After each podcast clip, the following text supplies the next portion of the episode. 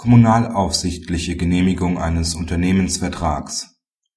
Ist eine Gemeinde an einem Beherrschungs und Ergebnisabführungsvertrag als herrschendes Unternehmen beteiligt, so kann das Registergericht die Eintragung im Handelsregister ablehnen, wenn eine nach Mitteilung der zuständigen Kommunalaufsichtsbehörde für die Wirksamkeit des Vertrags erforderliche Genehmigung nicht erteilt ist die bayerische Gemeinde O schloss als herrschendes Unternehmen einen Beherrschungs und Ergebnisabführungsvertrag mit einer GmbH ab.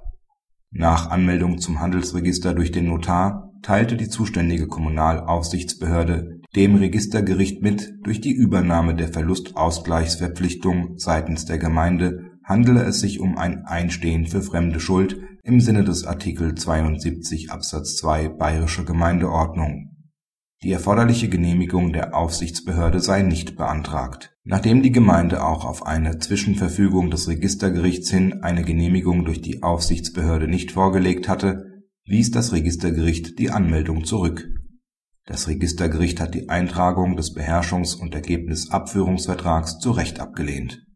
Ein Beherrschungs und Ergebnisabführungsvertrag kann nur in das Handelsregister eingetragen werden, wenn er materiell wirksam zustande gekommen ist das Registergericht konnte aufgrund der Stellungnahme der zuständigen Kommunalaufsichtsbehörde davon ausgehen, dass der zur Eintragung angemeldete Unternehmensvertrag zu seiner Wirksamkeit der Genehmigung durch die Aufsichtsbehörde bedarf.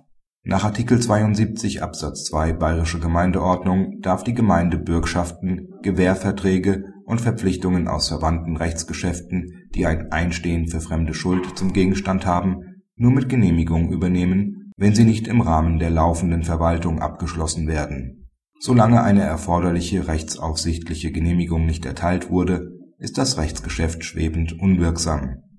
Die Entscheidung darüber, ob eine Genehmigung erforderlich ist und ob sie erteilt oder versagt wird, ist der zuständigen Verwaltungsbehörde vorbehalten.